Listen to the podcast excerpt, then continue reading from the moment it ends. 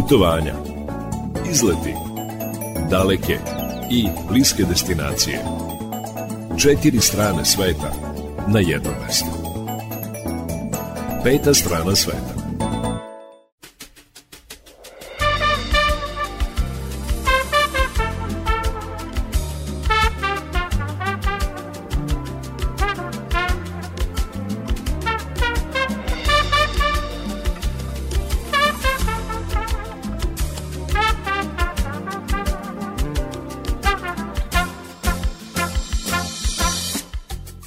Dobar dan poštovani slušalci, dobrodošli na Talase Radio Novog Sada, dobrodošli u turistički magazin Peta strana sveta. Danas zaista poslastica za ljubitelje putovanja, za ljubitelje istoka, za ljubitelje drevnog Egipta i za ljubitelje mističnog Kaira, grada sa neobičnim turističkim atrakcijama, grada koji je neprestano obavijen pustinskim peskom, pustinskom prašinom, Tamo zaista ne vredi prati prozore, jer vetar iz pustinje neprestano donosi pesak i prašinu. Govorit ćemo o tome, ali kao što rekoh i o tim neobičnim znamenitostima, smećarskom nasilju ili garbage cityu, ako više volite tako da kažete, to je jedan poseban deo Kaira, tu žive kopti, a znate da u čitavom Egiptu živi oko 10 miliona kopta. Veliki broj njih živi u Kairu. Oni imaju i svoju pravoslavnu crkvu po kojoj su poznati u hrišćanskom svetu. Ta crkva je uklesana u stenu i izgleda zaista fantastično. Svemu tome biće reči kao i o gradu mrtvih. U Kairu u grobnicama žive ljudi. O svemu tome razgovarat ću sa Srđanom Šajinovićem, on je travel bloger i najviše voli da putuje na istok. Njegov blog zove se East to the Sun, tako da možete pogledati gde je sve bio. Veliki deo emisije posvetit ćemo Kairu, ali nećemo govoriti samo o njemu. E, saznaćete koje su omiljene destinacije naših turista kada reč e, o narednom periodu koji je označen kao turistički frekventan, dakle gde ćemo to putovati za neradne dane kada budemo slavili Dan državnosti, odnosno sretenja, to je naredni četvrtak i petak, lepo se to može spojiti i upakovati sa subotom i nedeljom pa napraviti jedan, jedan mini izlet, dakle čućete koje su omiljene destinacije naših turista. Najavit ćemo i nekoliko vojvođanskih manifestacija. E, koje će biti aktualne ovoga vikenda, gde su u Novom Sadu, reč je o festivalu ljubavi koji je već počeo u sredu, zatim najavit ćemo Petrovaradinski karneval koji je posle 83 godine prošle godine obnovljen. Evo sada se održava drugi put u podgrađu Petrovaradinske tvrđave i to sutra. Sutra će biti održane i dve kobasicijade u Šidu, a i Kobasicijada u Bačkom Petrovcu koja se održava i sutra i u nedelju. Dakle, to bi bio sadržaj ovog izdanja Peti strane sveta. Na kraju emisije navikli ste da čujete vesti sveta turizma, neće ni one izostati. Sada slušamo pozdravnu pesmu, ali pre toga emisiju će realizovati muzički urednik Srđan Nikolić. Ja sam Rina Samopijan i volim da kažem na početku neka ovo naše putovanje počne. trying to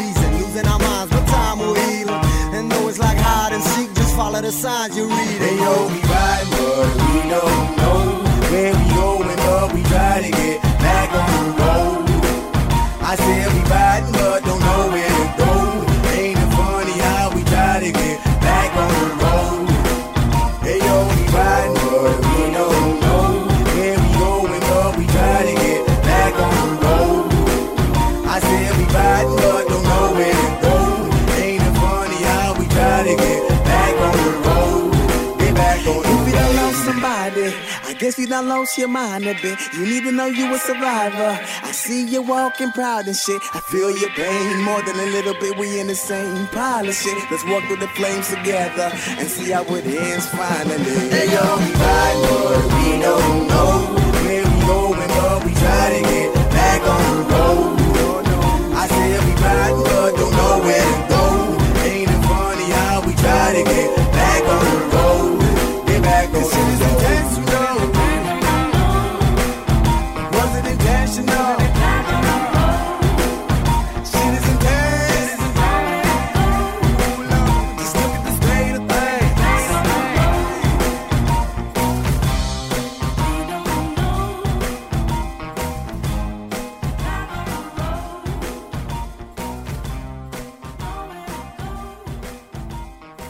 Svi koji nameravaju da putuju trebalo bi da znaju kakvo je stanje na putevima, a potom i da saznaju kakvo će vreme biti.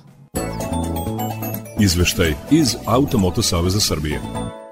Pozdrav iz operativnog centra Automoto Saveza Srbije. Zbog radova na redovnom održavanju regionalnog puta između Stare Pazove i Batajnice na više deonica će do 1. marta kolovoz biti sužen, a kretanje vozila usporenije. U toku izgradnja autoputa Kuzmin Sremska Rača, zbog toga se saobraćaj između Kuzmina i Petlje Batrovci na autoputu u dužini od 1300 metara odvija smanjenom brzinom jer je kolovoz sužen, a zaustavne trake zatvorene. Do kraja juna saobraćaj će biti prilagođen radovima koji se izvode na zamjenu ležišta na uzvodnoj konstrukciji mosta preko Save na obilaznici oko Beograda između petlje Surčin jug i Ostrožnice. Brzina je na mostu ka Bubanj potoku ograničena na 80 km na čas. Podsjećamo na obustavu saobraćaja zbog izgradnje brze pruge Novi Sad Kelebija na Sećanskom putu u Subotici i u mestima Novi Žednik, Bačka Topola i Mali Iđoš. Podržani su radovi na obnovi magistralnog puta između Zlatibora i Borove glave. Saobraćaj se odvija naizmenično i usporeno uz pomoć semafora. I na aktualnu obustavu saobraćaja zbog radova na regionalnom putu od petlje Takovo do Gornjeg Milanovca. Obilazni pravac vodi preko mesta Brusnice ili Klatičeva, a može se i barskim putem preko petlje Ljig. Na graničnim prelazima, prema informacijama dobijenih od uprave granične policije, na putničkim terminalima nema dužih zadržavanja, dok se na teretnim na ulasku u Hrvatsku, Mađarsku i Bugarsku nastavljaju duga i višesatne zadržavanja.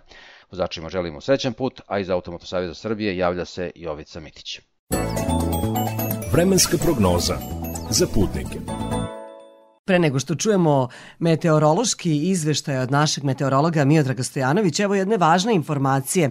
Millennium osiguranje će od ponedeljka započeti isplate oštećenim putnicima turističke agencije Barcino Tours.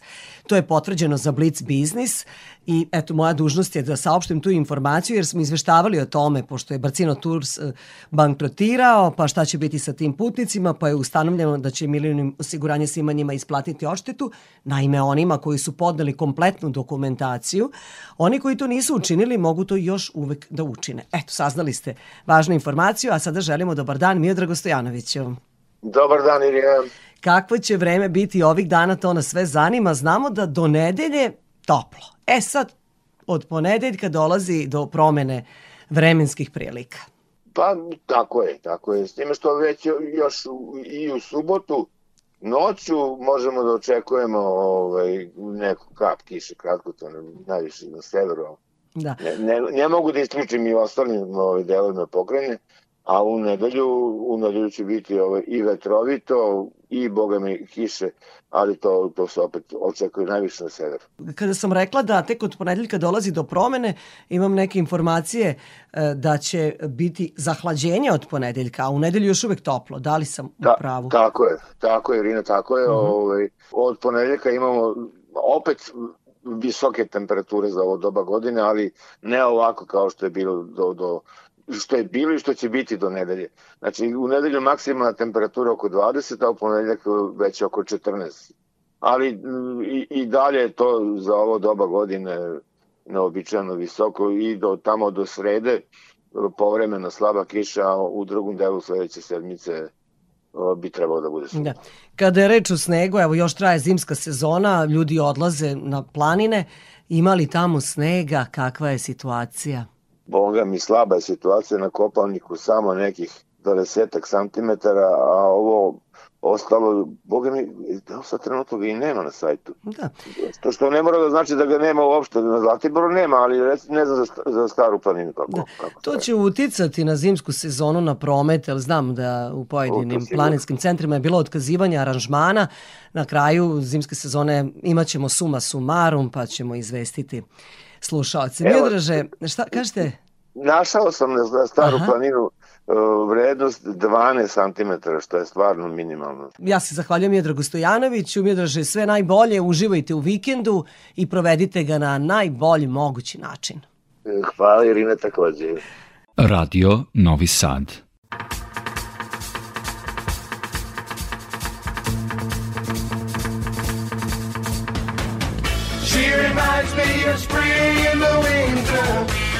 Reminds me of spring in the winter.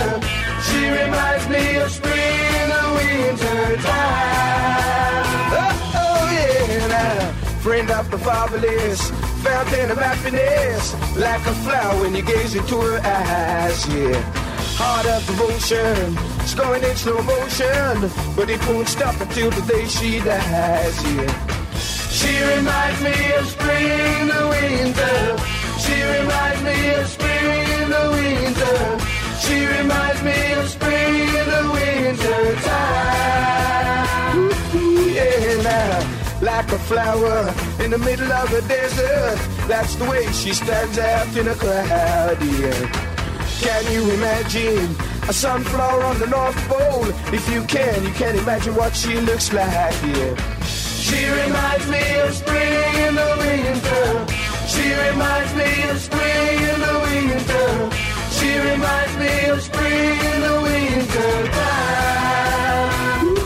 Yeah, now, Barbara is her name. Her affection I must proclaim is the sweetest thing that any man could have, yeah. Barbara promised me this, you'll never, never change. There'll always be a place in my heart for you, yeah. She reminds me of spring in the winter. She reminds me of spring in the winter. She reminds me of spring in the winter time. Oh, oh yeah. now. She reminds me of spring in the winter. She reminds me of spring in the winter. She reminds me of spring in the winter time.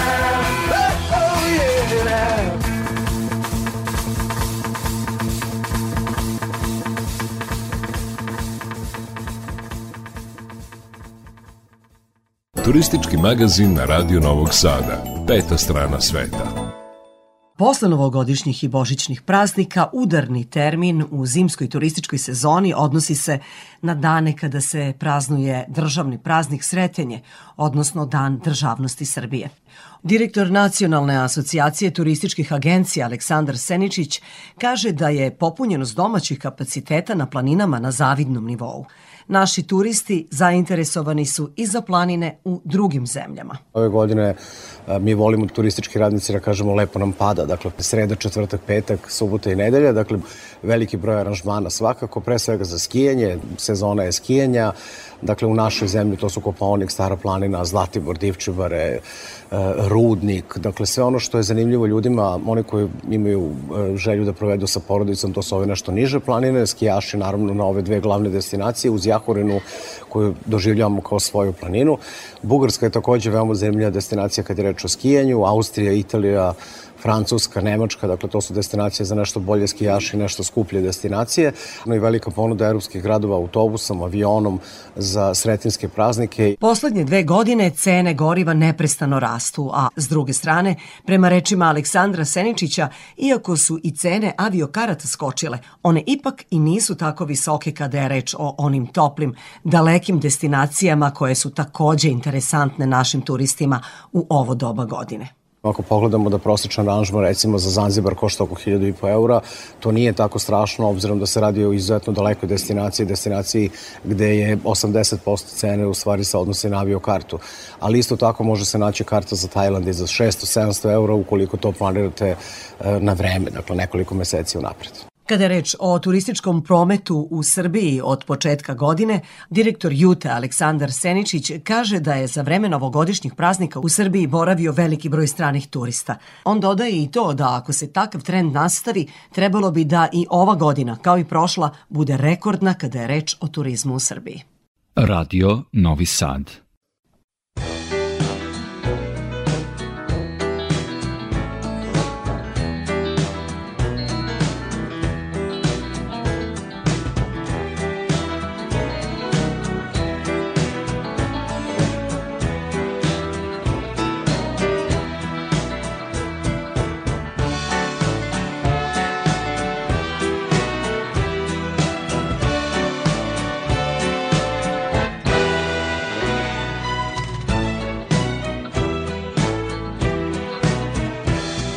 Have you ever been down to New Orleans? La la, them Cajun queens. Crying the blue, that's what they do down there. Fortune telling knows your name. Fortune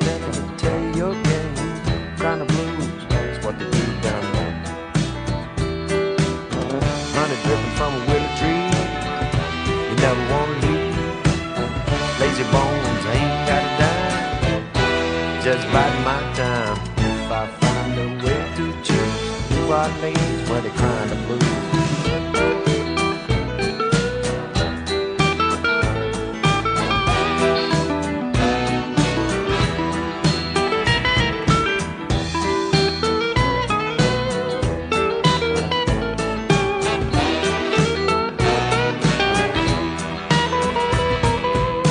drinking bourbon from a Dixie cup, hanging out till the sun comes up, crying down there.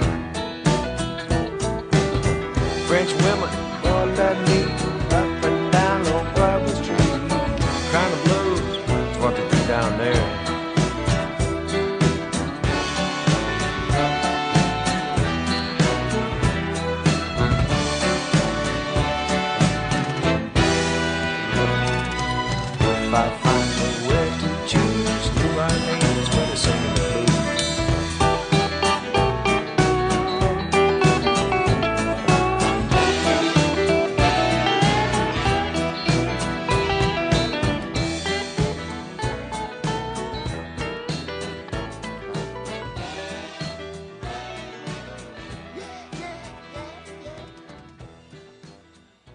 Evo jedne vesti koja će biti uvertira u deo emisije koji je pred nama, odnosno u rubriku Ljudi koji putuju.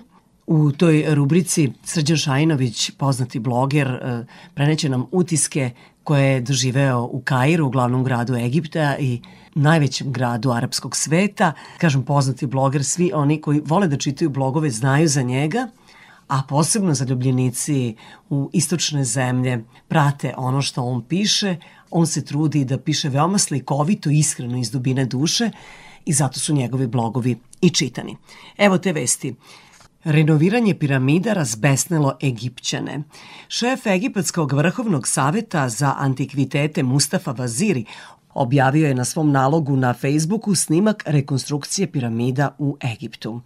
U opisu je napisao da je u pitanju projekat veka koji podrazumeva ponovno sastavljanje granitnih blokova treće piramide, to je egipatsko-japanska misija, a renoviranje podrazumeva da će se, pored čuvene svinge, videti i piramida obučena, to obučena po znacima navoda, u granitne blokove. Rad na Mikerinovoj piramidi, to je ona najmanja od tri čuvene piramide na platovu u Gizi. Taj rad prikazan je na snimku i izazvao je brojne kritike na društvenim mrežama, naime, Egipćani se ne slažu da bi trebalo bilo šta dirati, prepravljati, popravljati, nadograđivati, zato što to sve oduzima od autentičnosti piramida. Tako da su kritike razno razne, nećemo sada njih čitati. Evo šta kaže ekspertkinja za egiptologiju, ona se zove Monika Hane i ona je takođe burno reagovala. Ona kaže, jedino još nedostaje to da se Mikerinovoj piramidi dodaju pločice. Znak uzvika je posle toga kada ćemo zaustaviti absurd u upravljanju egipatskom baštinom, upitala je ona.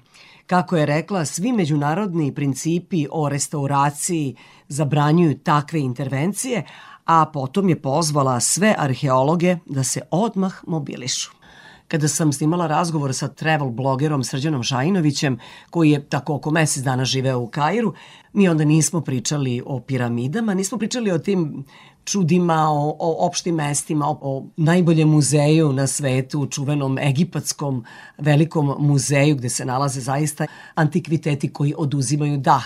Dakle, nismo govorili o tim opštim mestima, institucijama i građevinama koje vide skoro svi koji posete Kairu. Mi smo pričali o onim atrakcijama koje su manje poznate, a koje prikazuju život e, Egipćana u glavnom gradu onako najverodostojnije. I zato mislim da će taj razgovor biti veoma zanimljiv. Budite uz nas. Uskoro ćete slušati rubriku Ljudi koji putuju. Many years ago in Egypt there lived a civilization which geologists say was more advanced than our civilization, but not in every way. For years, men of science have tried to uncover many missing links. There must be much of Egyptians that's never been revealed. If we can properly interpret the smile on the Sphinx.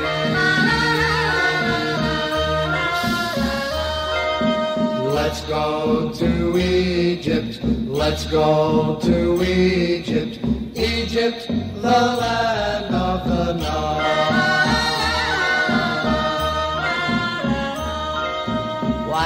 And every Egyptian girl must keep a covered face. To show her face to someone else is considered a big disgrace. But our girls with all their makeup have a better disguise. If you could see them in the morning, Madon, what a surprise. Let's go to Egypt, let's go to Egypt, Egypt, the land of the Nile. The pharaohs built the pyramids to be buried in, it is said. Can you imagine building a home and moving in after you're dead?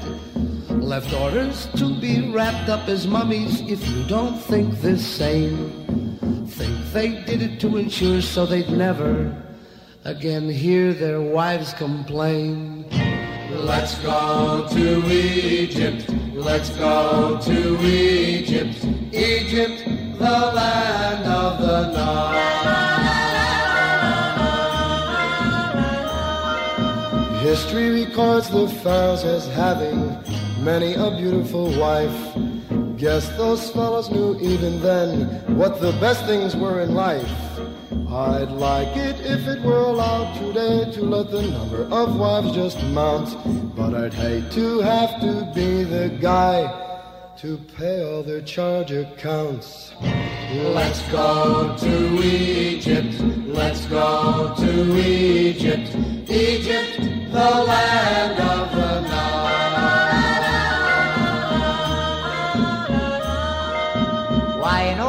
Egyptian custom says that when a fellow dies, you lay him on a great big slab right before your eyes.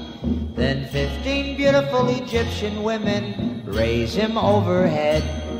And if that fellow doesn't arise, you know darn well he's dead. Oh, let's go to Egypt. Let's go to Egypt. Egypt, Ljudi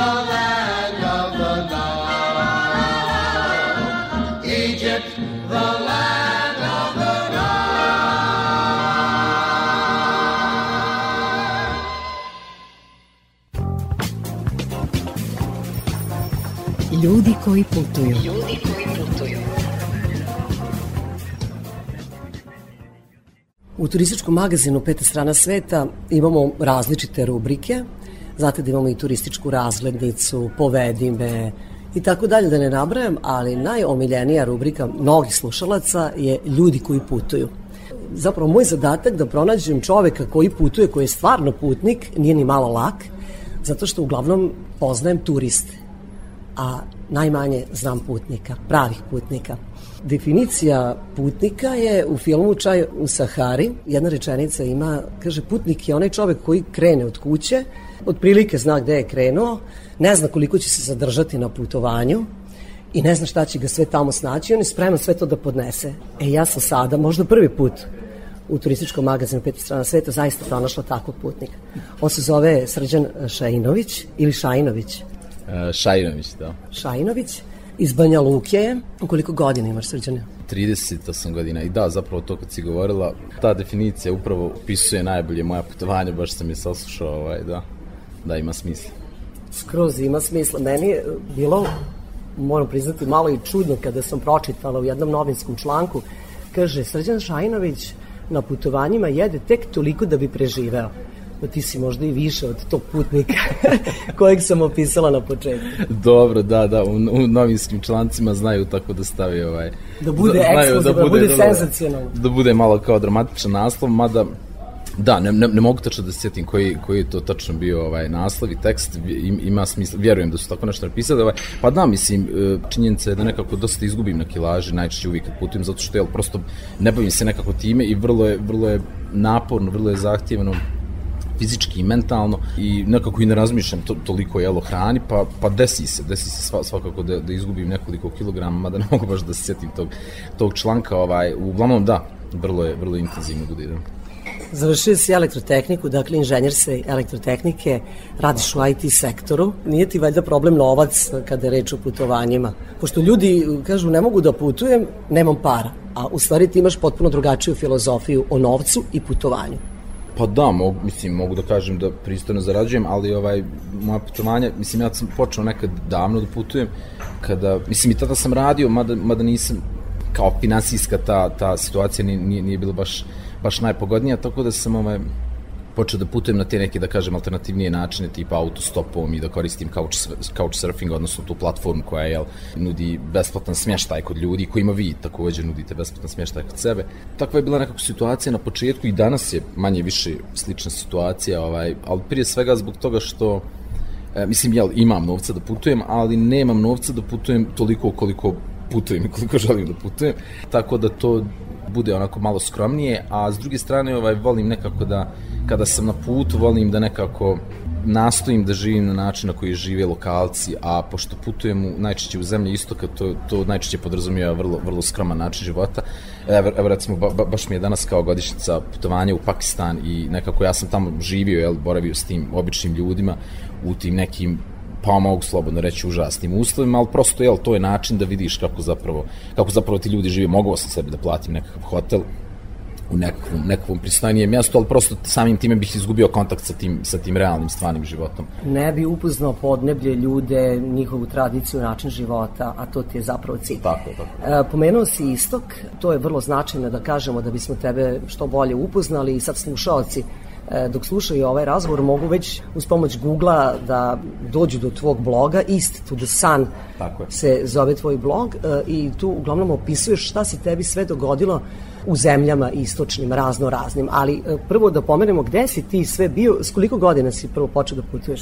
2010. 11. to se u stvari desilo kada sam počeo da radim i kada je Bosna zapravo dobila taj kao bezvizni režim, odnosno da, ti si iz Banja Luke. Da, da, da, ja sam iz Banja Luke, pa kao jel, u tom trenutku su nam ukinuli kao nismo morali više da vadimo vize, tad sam počeo da putujem. Prvi put sam zapravo napustio naše govorno područje putovanjem u Mađarsku sa 26, poprilično kasno, jel?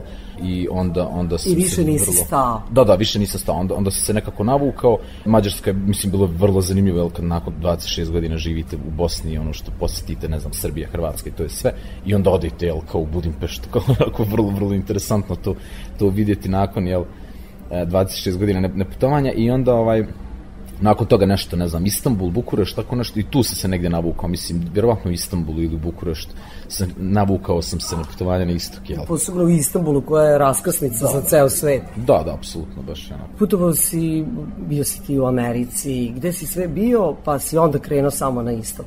Mislim da sam odmah tu, jel, nakon tog Istanbula i Bukurešta nekako odmah odmah sam shvatio da mi se ta, da me taj istok baš privlači, ali naravno da sam umeđu vremenu proputovao jel, pa skoro sve te zemlje evropske, jel, skoro pa sve evropske zemlje, odnosno barem prestonice u tim jel, evropskim zemljama i to mi je nekako bilo vrlo interesantno, međutim sada onda sam nekako sve više i više išao na istok i sada mi nekako nije toliko to uopšte privlačno, zapravo mi djeluju kad recimo odete i vidite jedan Pakistan, onda stvarno shvatite da su da je to toliko različito od ovoga što mi, što mi znamo i što vidimo. Ti, da, ti u stvari želiš da budeš tamo gde je sve različito od onoga na šta si navikao pa, kod nas. Prosto, prosto da, da, da vidiš nešto jel, novo, da naučiš nešto novo, a pojente u tome, jel, kad odiš u Pakistan, onda shvatiš da su doslovno svi evropski gradovi, koliko god da su različiti, zapravo bukvalno su isti. Mislim, kao jel, u odnosu na, na ne znam, Pakistan, u odnosu na, ne znam, Mongoliju ili tako I neke zemlje. I mentalitet je naš sličan, bez obzira na to što smo mi na Balkanu, jer su evropske zemlje, evropske, ali Tako je, vrlo je to što naš narod rekao u 5D, kad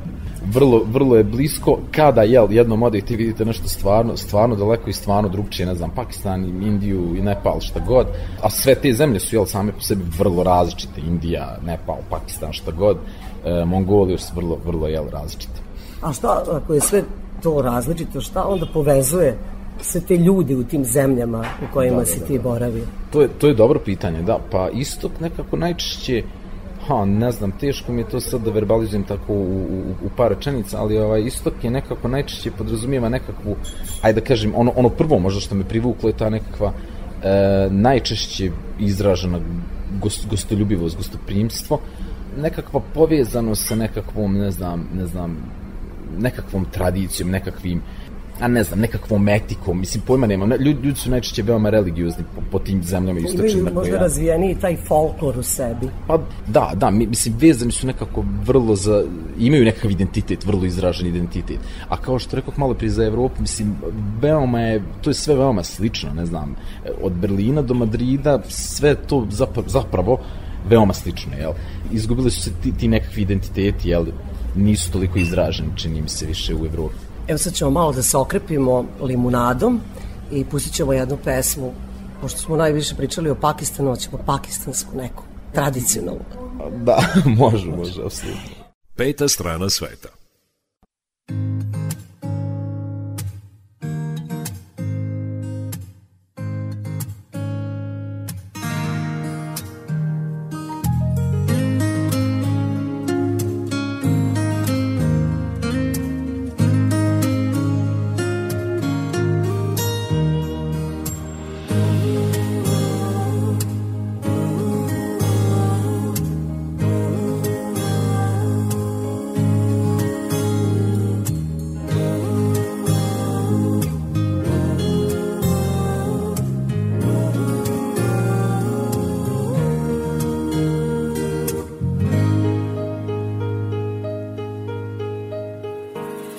دیکھا نہیں، خوبصورت کوئی جسم جیسے اجنتا کی مورت کوئی جسم جیسے نگاہوں پہ جادو کوئی جسم نغمہ کوئی جسم خوشبو کوئی جسم جیسے مہک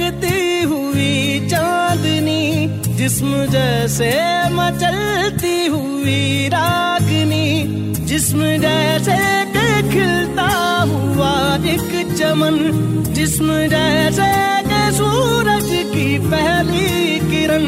جسم ترشا ہوا دل کشو دل نشی۔ سندری سندری مرمری مرمری۔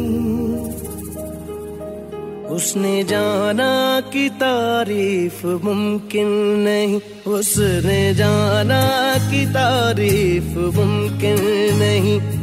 آفری آفری آفری آفری، تو بھی دیکھے اگر تو کہے ہم نشی آفری آفری آفری آفری۔ اس نے جانا کی تعریف ممکن نہیں۔ اس نے جانا کی تعریف ممکن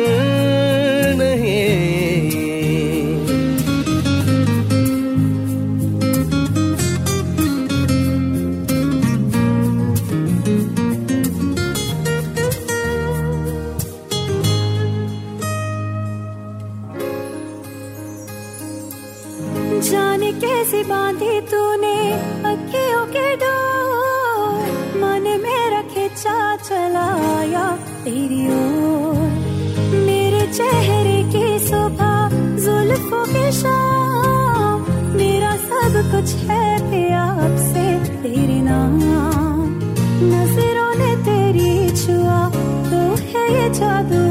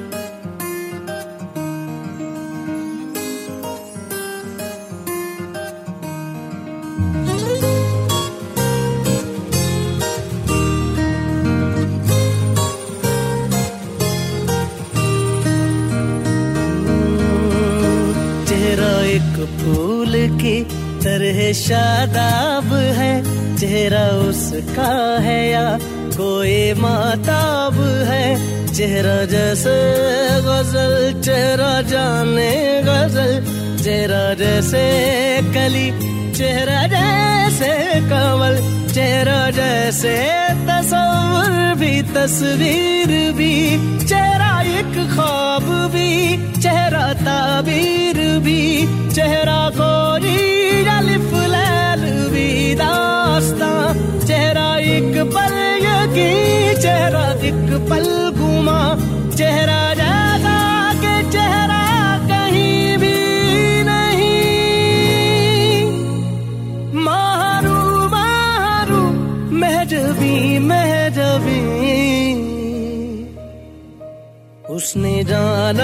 کی تعریف ممکن نہیں، اس نے جانا کی تعریف ممکن نہیں۔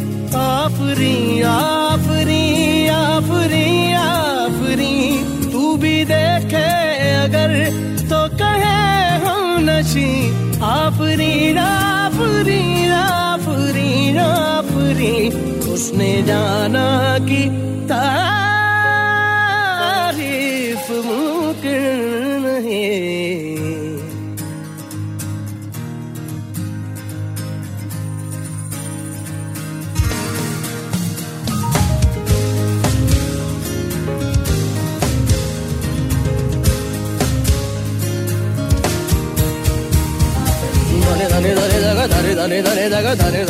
da go da re da ni da ga da ni da ga ma ga ma ga da da ni ni da da ga ga ma ma da da ni da da ni da ma ma ga ma ma da ma ga ma da ga ma da ni da ga da ni da ni da ni da ma ga ma ga ga da da da ni da ma ga ma ga da da ni ni da da ga ga ma ma da da ni da da ga da da ga da da ga da da ni da da ma ga ma ga da ga da ga da ga ni da ga ma da ni da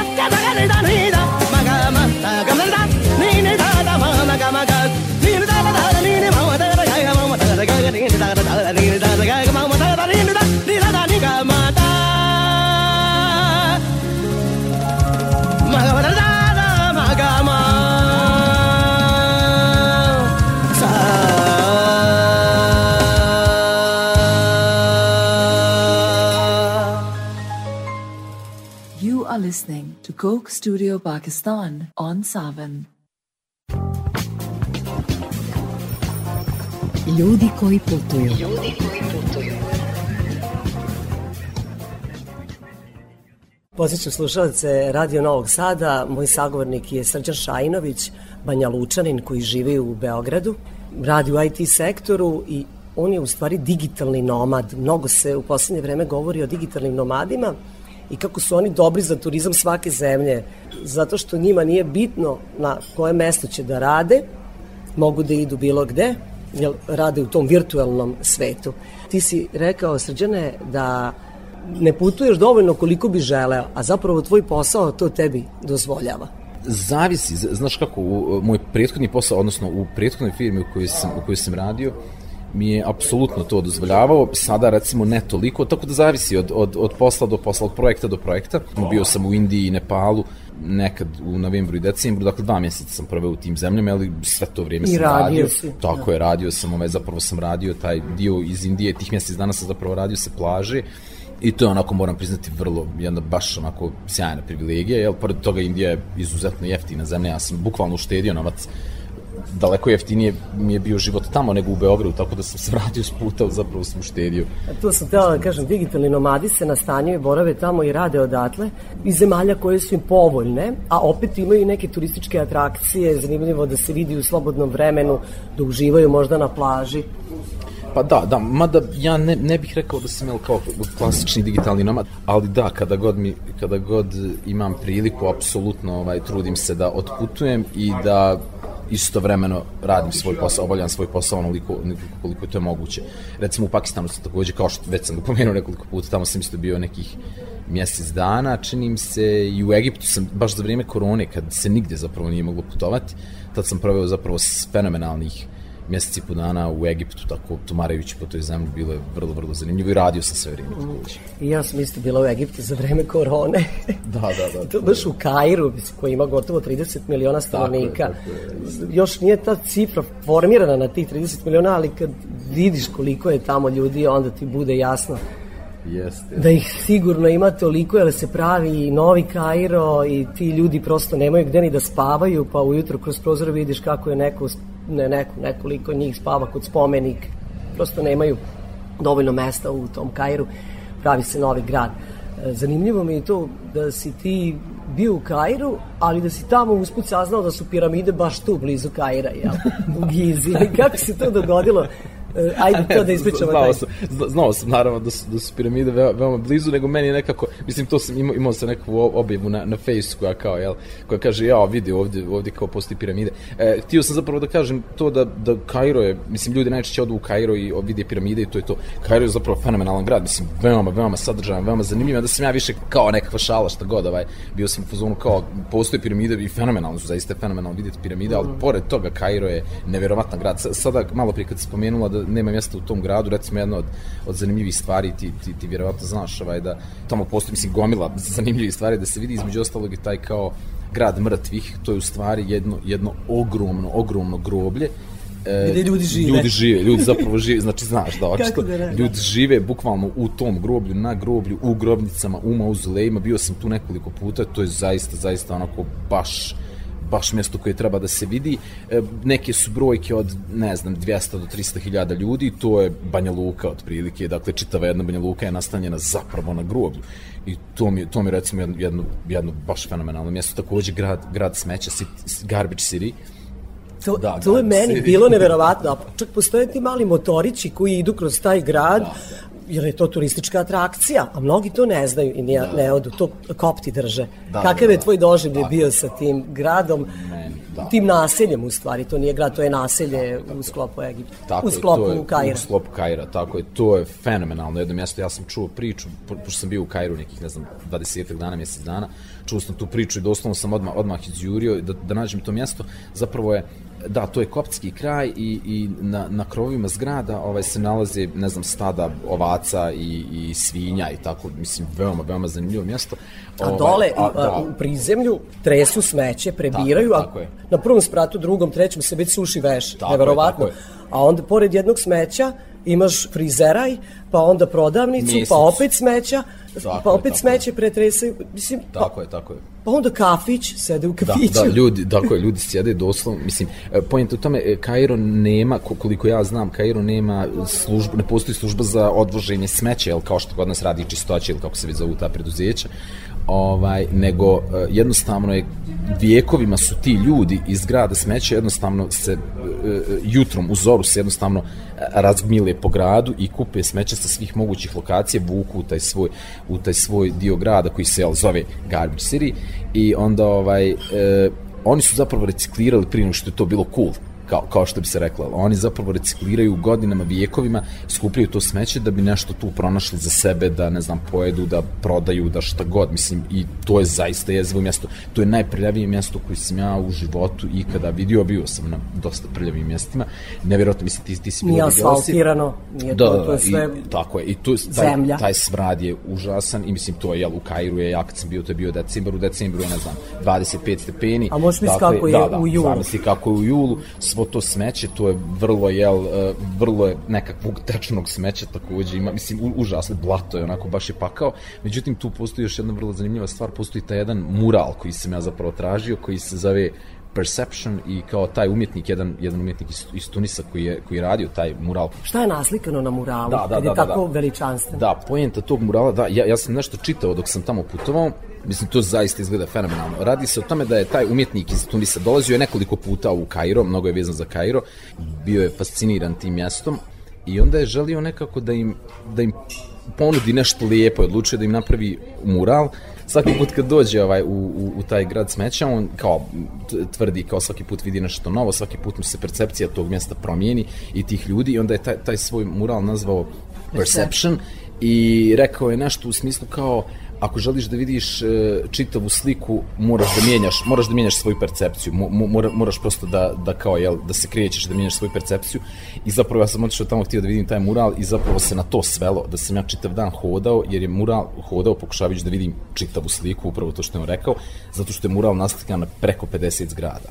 I ti ako hoćeš da vidiš čitav mural, ti konstantno vidiš fragmente, oni su naslikani, postoji jedno mjesto iznad tog Garbage City-a i koje kao manje više niko ne zna koje je to mjesto. Ja sam pitao ljudi, zaista niko nije mogao objasniti. Pojenta je da nađeš to mjesto. Znači, njegovo umjetničko djelo je zapravo jedno fenomenalno umjetničko djelo koje se svodi na cjelodnevnu potrebu. Zapravo ti učestvuješ vrlo, vrlo interaktivno. Ti učestvuješ u tom umjetničkom djelu. Cijeli dan tražiš to mjesto sa kog može da se vidi čitava slika. U jednom momentu sam je ugledao i to je stvarno fenomenalan prizor. Uklopi se, jel, sve te zgrade na, na odgovarajući način s tog mjesta kad pogledaš. Izgleda kao, kao nekakva kružnica, ali mislim vrlo je lijepo i tu nešto, nešto zapravo piše na arapskom, nešto vrlo slično tome. E, nešto u smislu kao ako želiš da vidiš sunce, moraš da nešto, protrljaš oči. Ne mogu sad baš da se sjetim. Da, da. Pisao sam baš na blogu o tome, uglavnom o, u, ogroman utisak ostavio na mene, fenomenalno je. Znamo da oni tako zarađuju pare zašto skupljaju sekundarnu sirovinu, pričamo o koptima u smećarskom naselju u Kairu, a znaš li šta su oni napravili od tih para tamo u smećarskom naselju? E, ne znam, ne, nemam pojma. E, Možda manastir, ne, pretpostavljam. Crkvu. Crkvu, crkvu da, da, da. najveću pravoslavnu crkvu, jer kopti su pravoslavci, njih ima oko 10 miliona u Egiptu, najveću pravoslavnu crkvu u islamskom svetu, ona se nalazi e, u Kairu, u smećarskom naselju, skroz na kraju tog naselja, moraš stijeni, proći da, da, da, da, u steni, da, da, da. Ne znam koliko može ljudi da stane u tu crkvu, veoma mnogo, veliki broj. I onda kada je Uskrs, kada je Božić, pa sad slike kada obilaze svet, kako je dočekan Božić u ovom gradu, u onom gradu, onda bude često iz te crkve i onda se fasciniram i bude mi drago što sam bila u toj crkvi. Sjajno, sjajno. Da. Znam, znam, znam tu crkvu, Bio si, tamo ja? u stijeni, da, da, Da. u stijeni. Pa od, odatle, odatle negdje, od te crkve, ja sam do crkve došao zapravo da vidim mural, odatle negdje se pruža pogled na mural, tu, tu negdje. Tako da sam, jel, vidio, vidio naravno tu crkvu i one nekakve kao pećine u, u stijeni sa nekakvim simbolima Isusa i apostola. Tako, mislim, vrlo, vrlo zanimljivo mjesto. Kao što rekao, jel, odatle, pošto je to na uzvišenju, ti si bila, vidjela si na uzvišenju je, i odozgo se vidi, vide se krovovi zgrada na kom su kao, jel, ovce i svinje i onda momci imaju nekakav ritual da se dozivaju sa zgrada, što mi nikad nije bilo jasno zašto.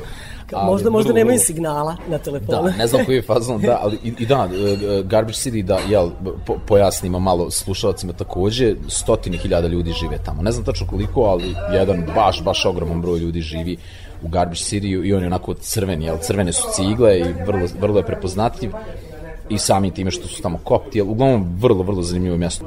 Mislim, užasno je prljavo i sve to stoji, užasan je smrad, ali fenomenalno to što oni zapravo rade. Oni recikliraju u jednom Egiptu i to su radili vijekovima, to je, mislim zaista fenomenalno nešto. Radio Novi Sad.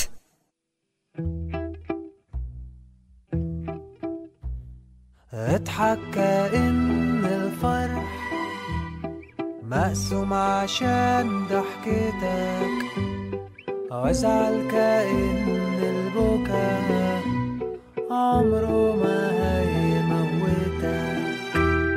عشا كأن الهوى طيب وكله أمان. فارق كأن اللقا معرفش يوم سكتك. إيه من الحياة تشتهي؟ غير الرضا في عينيك لمسة إيدين تعشقك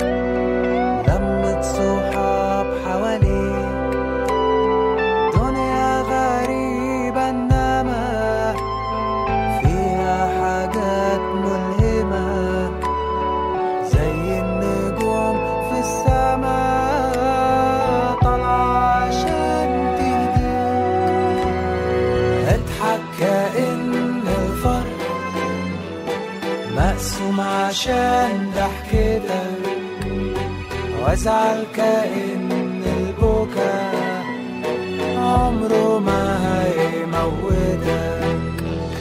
أعشى كأن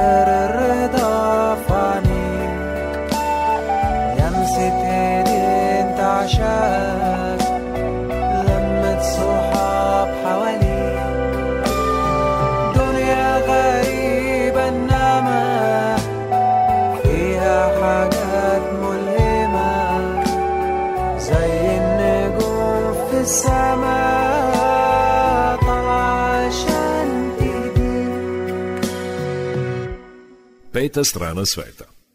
Ajmo još malo u Kairo da pričamo kako ti izgleda Kairo. Meni je bio sa jednog uzvišenja iz jedne džamije preko puta tog grada mrtvih. Ima jedna džamija sa jednog vidikovca sam ga gledala Jo, znam, znam, i znam, meni, da. meni izgleda kao da je od kartona nekog posut cimetom. Tako Taj je, pesak tako je. je u stvari non stop prisutan u vazduhu. ne vredi da, da. prati prozor, brisati prašinu, prosto gubiš vreme u životu, ne, ne možeš to da skineš. Tamo kiša nije pala nikad ni ne pada, oni nemaju oluke uh, na kućama, jer čim padne malo kiša, zemlja upije za sekund. Tako je, tako je.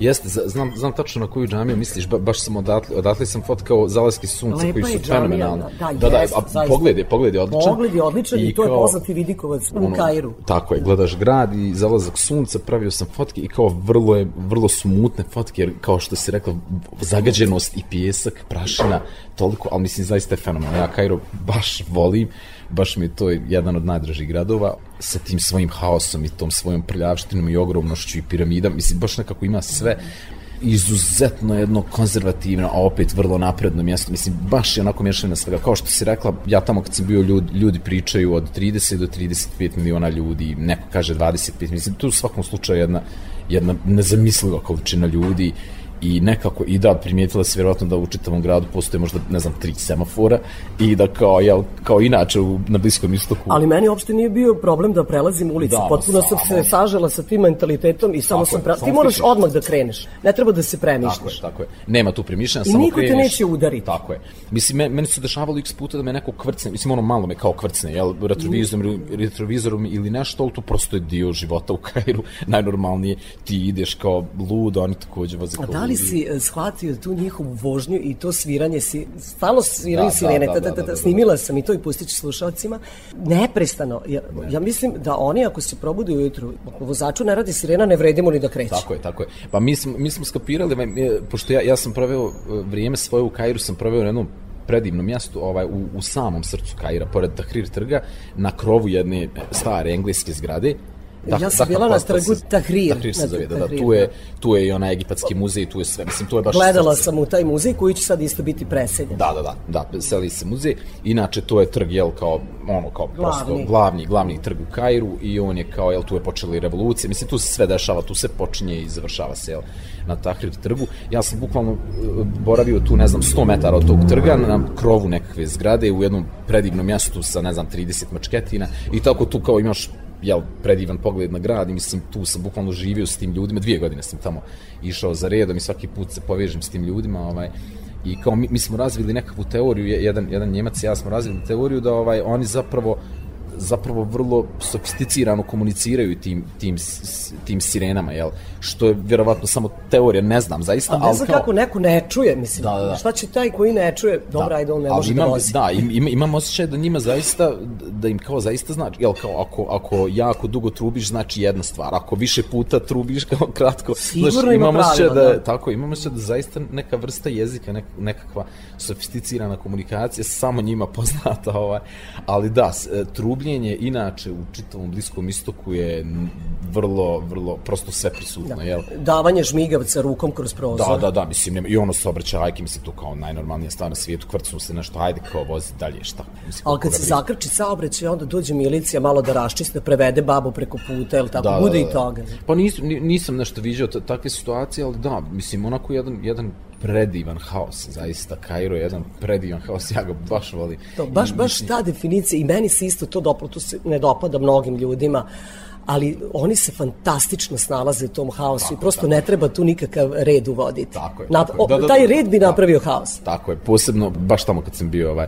sam razmišljao o tome kako bijeli čovjek ne, ne treba, odnosno evropljeni zapad ne treba nigdje više nikada da uvode bilo kakav, bilo kakvu vrstu reda, jer gdje god su došli napravili su haos, pa tako i tamo na kraju krajeva bili su kolonije, jel? Ovaj, oni žive na način na koji žive i, i, i dobro im ide, fenomenalno im ide, samo dođi, posjeti, vidi, poštu njihovu kulturu i vrati se svojoj kući, to je to, nemoj da, nemoj da namećeš nešto. To je, Tako bi trebalo svuda, nek svako trebalo, živi na svom mestu, Da. u svojoj kući, po svojim Mislim, pravilima. Da, mislim, mislim, tamo ima jako puno nekih vrlo, vrlo ružnih stvari. Ja, ja sam recimo pisao o tome, o, o tom nekakvom e, seksizmu koji je jeziv, zaista jeziv u, u tom njihovom društvu, ali opet s druge strane nekako kao teško je to razumjeti jednom evropljaninu, jel? Mislim, jeste pogrešno, apsolutno je pogrešno, meni je pogrešno, nama evropljanima je pogrešno, ali teško je razumjeti to, teško, teško je pričati o tome. Toliko faktora ima, jel, toliko nekakve tradicije, istorije, da Ali jednostavno... imaš kad žena kaže, rekao si seksizmu, kad ona kaže haram, haram, Da. onda odmah će da se sklone e, ta Jel? reč. Da, da, da, da, haram, znam, haram, znam samo kaže, ako je nešto nepristojno neko radio ženi, Da. oni uglavnom mogu da gledaju žene, ali oni su Pa, željni do- da gledaju dobacuju. žene koje su otkrivene i te Da, da. evropljanke su njima privlačne. Mislim, dobacuju dosta i dosta su, ovaj, mislim, ja, ja sam recimo upoznao tamo neke dvije djevojke koje su lokalke jel, nose hidžabe, nisu smjele recimo da se krijeću do auta, molili su me da, da ih pratim do, do automobila, onda su mi pričale tako ta svoja nekakva iskustva iz života u Kairu, koja su baš bila vrlo, vrlo teška, posebno zato što se one, jel, religiozne, tradicionalno se dijevaju, nisu ni na koji način provokativno se ne ponašaju, apsolutno. Bilo bi im bolje da su imali mušku pratnju, Da, onda da, da, bi imali manje tih apsolutno, situacija. Da, apsolutno se ne osjećaju bezbjedno i onako baš, mislim, i, i jako je velika stopa silovanja. Tako da ima, ima, tu, ima tu jako puno ružnih stvari, ali ovaj, to je kad zagrebeš malo više ispod površine. Ali onako zaista doći u Kairu i provesti neko vrijeme, zaista fenomenalno iskustvo.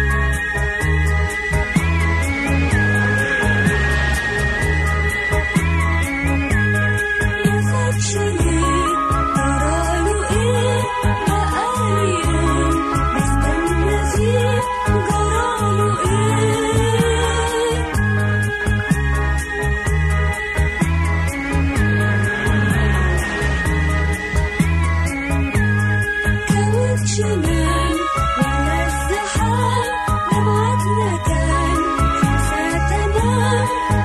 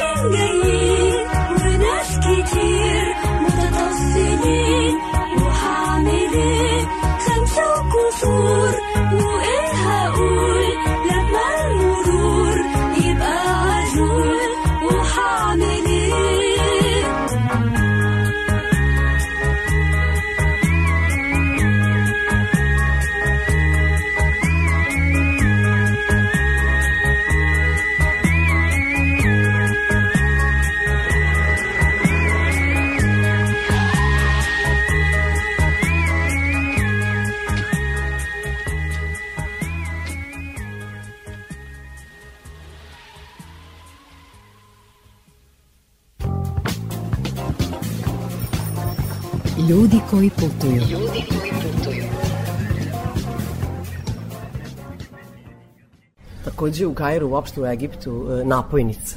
Na svakom koraku ti treba da pružiš neki dinar. da, da, jeste. e sad, kakva su tvoje iskustva bila sa time? Mi smo popriličnu svotu novca potrošili, jer kako čoveku sada ne dam kad je pruži ruku i kad se to podrazumeva. Pa jeste, mislim da, ko- kod njih se to prosto podrazumijeva. Oni su, oni su Bakšiš. Tako Bakšiš, je, tako, bak, tako bakšiš, se kaže. da, vrlo su, vrlo su gostoljubivi i vrlo je, i cjenkanje je takođe Aha. vrlo, mislim to je, to je klasika u tom, jel, od Istambula pa, pa nadalje na istok je svuda to manje više prisutno, to cjenkanje i taj bakšiš i ta, ta kao gostoprinjstvo, tako da je to prosto dio, dio žurke njihove.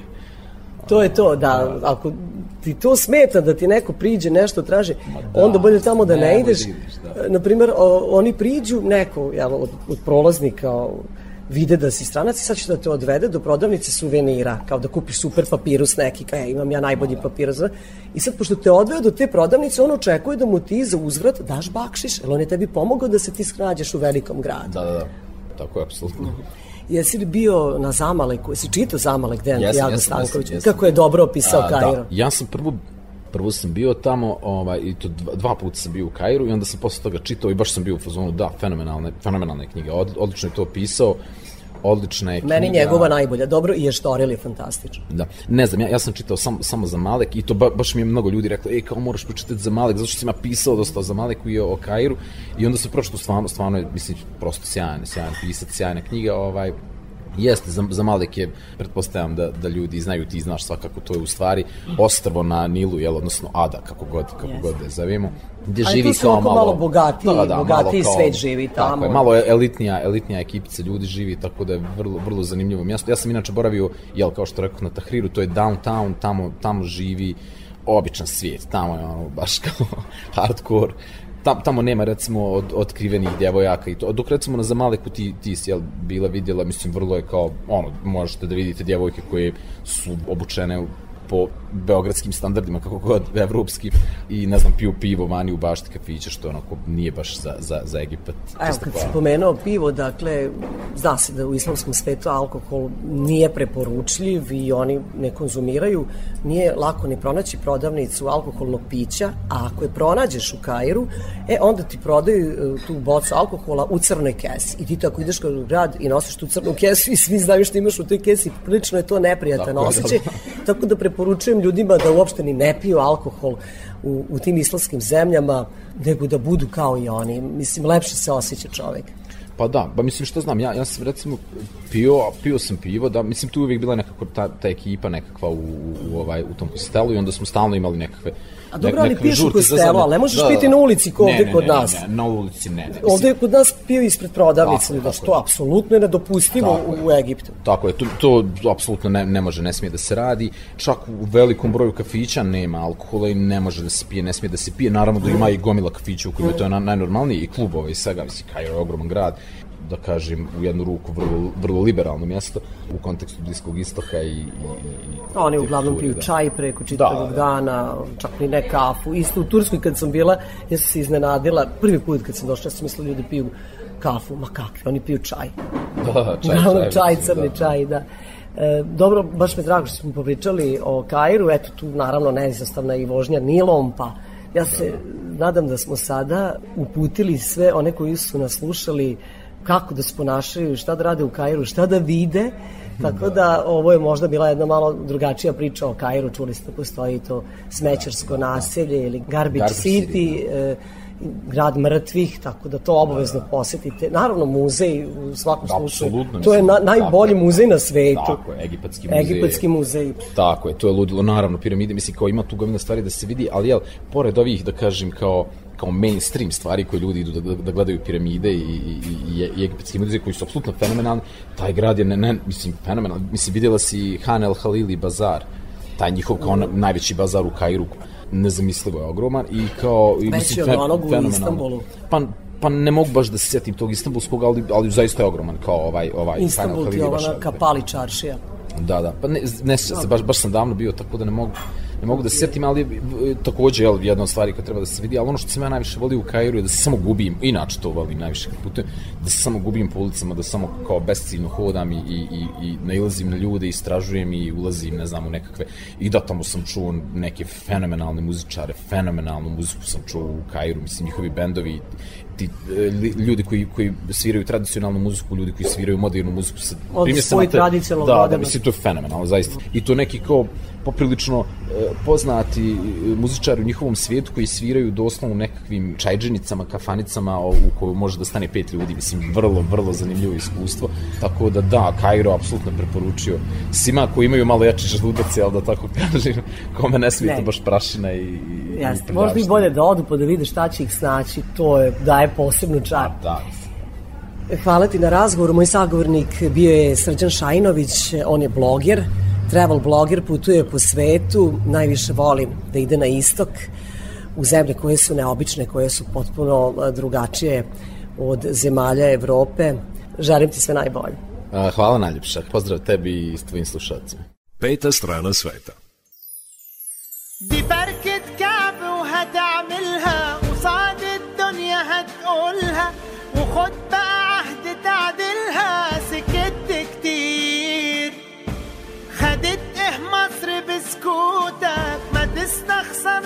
فيها صوتك بتكتب بكرة بشروطك دي بشرة خير. قوم نادي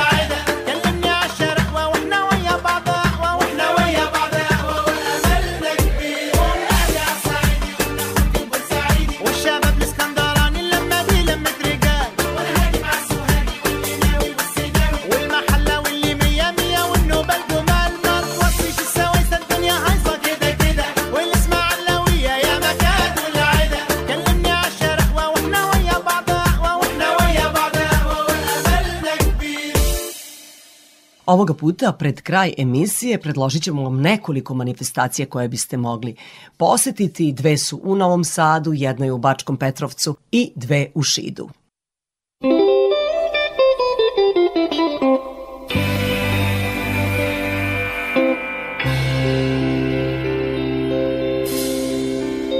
Obuci staru krinolinu i prebaci bijeli šal Ja ću svirat violinu i bit će maskembal Zaigraj kao da more šumi, a ti si jedan van Sama veliku tajnu glumi, takav je maskembal Nemoj da skrivaš lice malo, pusti ga neka sja Nikome nije do nas. Stalo, sami smo samo ti i ja Život je maskembal, svako se krije Ako u sebe siguran nije.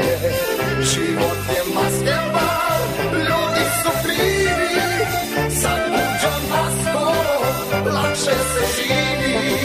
Život je maskembal, svako se krije Ako u sebe siguran nije. Život je maskembal, ljudi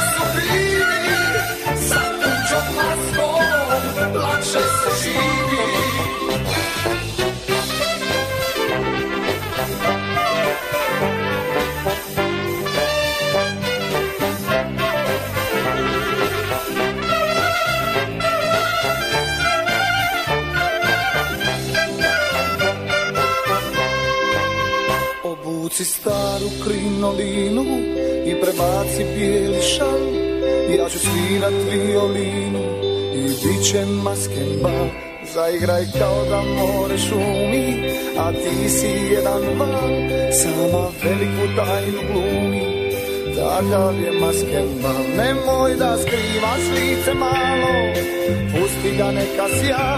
Nikome nije do nas stalo, sami smo samo ti ja Život je maskembal, svako se krije Ako u sebe siguran nije Život je maskembal, ljudi su krivi Sa tuđom maskom lakše se živi. Život je maskembal, svako se krije Ako u sebe siguran nije Život je maskembal, ljudi su krivi Sa tuđom maskom lakše se živi. Život je maskembal, svako se krije. Ako u sebe siguran nije Život je maskembal,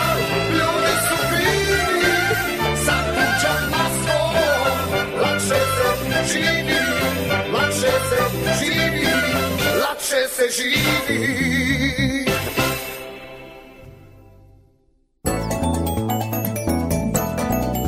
Povedi me. U nastavku emisije najavljamo jednu veoma zanimljivu manifestaciju. Reč je o karnevalu. Ja zaista ne znam gde je Novi Sad na karnevalskoj mapi u našoj zemlji, gde u regionu. Možda odgovor na ta pitanja ima Ivana Damjanović koja radi u kompaniji Color Media Communications. Ivana, dobar dan, dobrodošli na naše talase. Dobar dan, hvala na pozivu i veliki pozdrav za vaše slušalce. Naime, Hrvatsko kulturno prosvjetno društvo u Petrovaradinu i Udruženje građana Petrovaradin medija e, organizuju sutra Petrovaradinski karneval i to je zapravo obnovljena tradicija. Prošle godine smo prvi put u Petrovaradinu imali karneval. Ja nisam bila, pa sad ne znam da li se nešto dešava i na tvrđavi. Znam da se sve odvija u podgrađu. Vi ćete nam sada to malo približiti, čitavu priču. Dakle, koliko trupa karnevalskih ima ove godine? Kuda će se kretati kretati karnevalska povorka, dakle gde da dođemo i u koliko časova, s obzirom na to da se Petrovaradinski karneval održava sutra? sutra od 11 časova velika karnevalska povorka kretaće se podgrađem Petrovaradinske tvrđave od crkve Svetog Jurija u Štrosmarovoj ulici. I prva stanica, kako mi to nazivamo, je spomen kuća Bana Jelačiću na ćošku sa Beogradskom. I tu će voditeljka predstaviti svaku trupu po na osob i e, nastavljamo e, karnevalsku povorku do ulice Prote e, Mihalčića gde će na trgu biti i predstavljanje trupa i njihovi kratki nastupi. Kao i prošle godine i ove godine će doći oko 20 trupa iz e, cele Srbije. Tu ćemo moći da vidimo od e, ma, nastupa mažoretkinja, e, duvačkih orkestara, e, plesnih e, trupa, plesnih grupa, e, vrtića, e, novosadskih, tako da će biti veoma šarolik i mnogo lep program. A nakon predstavljanja stupa i završetka karnevalskog programa na karnevalskoj bini, znači na u, na tom trgu kod vojne bolnice biće koncert, upriličan koncert koktel benda. U koliko je to časova da znamo? A, To je oko 13 časova, to sad ne možemo tačno da preciziramo zbog, uh, zbog stavljanja. kretanja, tako kretanja povorke čitave Tako je, karnevalske. tako da. je, ali znači čim završi poslednja trupa, karnevalsko predstavljanje, počinje i koncert uh, koktel benda. Ivana, to se onda sve završava u poslepodnevnim časovima, dakle noću se ništa neće dešavati u podgrađu Petrovaradinske tvrđave. Neće, neće, sve će se završiti negde do, do 14 časova. Na početku razgovora sam rekla da ću vas pitati gde se mi nalazimo na karnevalskoj mapi kada je reč evo o našoj zemlji, na primer, imali još negde tako zanimljivih šarenih karnevala kao kod nas u Novom Sadu na Petrovaradinu? Pa da, mi smo evo posle 83 godine prošle godine obnovili tradiciju Petrovaradinskog karnevala, ali u Srbiji u asocijaciji, karnevalskoj asocijaciji postoje gradovi koji su veoma organizovani i imaju dugu tradiciju kao što su Bela crkva, sa nama će sutra biti i belocrkvanske mažoretkinje, takođe Šabac, Pančevo, dole Leskovac, Banja Kuviljač, Kraljevski karneval, tako da naša zemlja ima dugu tradiciju i Ove, nadam se da će i Petrovaradinski karneval stati sa njima rame uz rame ovaj, kako godine prolaze. Ne sumnjam da će sve lepo proteći, još ako nas vreme posluži, onda će stvarno Novi Sad sutra biti jedan veliki karnevalski grad, odnosno deo Novog Sada na koji su novosađeni veoma ponosni Petrovaradin, posebno tvrđava i posebno podgrađe Petrovaradinske tvrđave, to su dve različite lepe celine. Ivana, kada ste već tu, a kažem radite u kompaniji mm. Color Media Communications, vi ste organizovali još jedan lep festival u Novom Sadu koji je počeo pre dva dana, trajeće sve do 24. februara, reč je o festivalu Ljubavi, pa samo ukratko da nam opišete kako izgleda taj festival i šta će se sve u okviru njega zbivati. Ispred tržnog centra promenada se sve dešava. Tako je, tako je u sredu uh, smo otvorili festival ljubavi uh, tradicionalnim puštanjem balona i uh, uz pesmu Love is in the air. Do 24. Uh, februara ispred promenade, ali na drugim lokacijama u gradu biće održan program koji je posvećen ljubavi, kao što i ime festivala govori, tako da će ispred promenade biti bogat muzički program, ali ćemo imati programe u poklon zbirci Rajka Mamuzića, koncert Love Actually u izvođenju Jozefa Ritera i Olivere Bolte. Onda ćemo imati besplatnu turu Ljubavna istorija Novog Sada 17. februara od 12 časova. Onda ćemo imati Classic Love Marathon u Muzeju savremene umetnosti. Večeras je i predstava, mađioničarska predstava od 18 časova ispred promenade, tako da za sve ovaj, ima... Uzraste, da. Za sve uzraste, tako je, za sve uzraste program. Čuli smo kakav je program i Petrovaradinskog karnevala i šta će se sve dešavati u okviru festivala ljubavi koji se odvija ispred tržnog centra promenade. Tako je, ceo, ceo, ja se izvinjam, ceo Cef. program možete pogledati na Color Media Communication, znači communications.rs, čitav program festivala ljubavi, tu se može yes. pogledati. Zbog toga što ima veoma mnogo stavki u tom programu, tako, tako da je najlakše da. pogledati e, do na internetu i onda će naši slušalci biti upućeni. Ivana, hvala vam što ste izdvojili vreme za slušalci Radio Novog Sada. Hvala vama. Za nama je bila Ivana Damjanović koja radi u kompaniji Color Media Communications. Radio Novi Sad.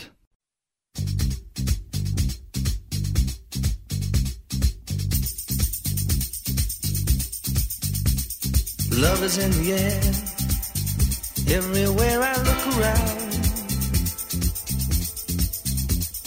Love is in the air. Every sight and every sound. And I don't know if I'm being foolish. Don't know if I'm being wise. But it's something that I must believe in. And it's there when I look in your eyes. Love is in the air, in the whisper of the tree.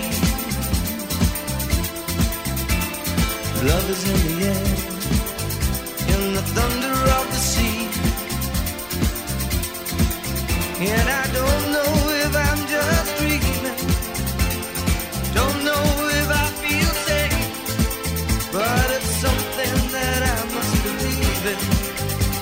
it's their way.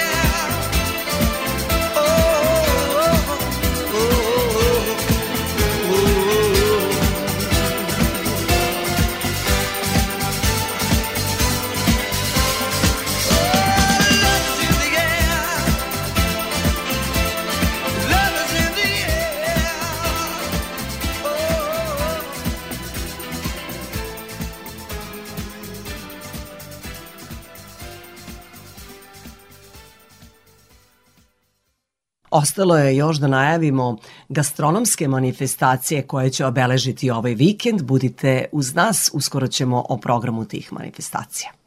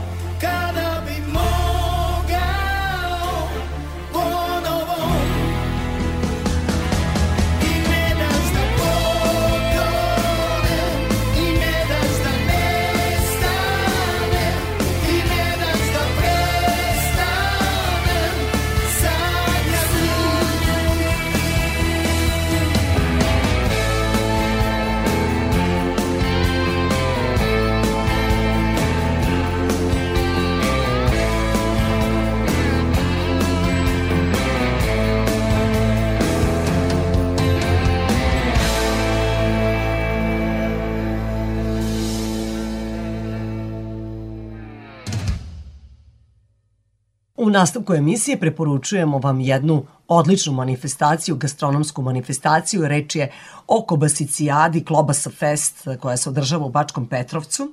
Moj sagovornik je sekretar mesne zajednice toga mesta, i osnivač festivala Klobasa Fest, Šćasko Durgala.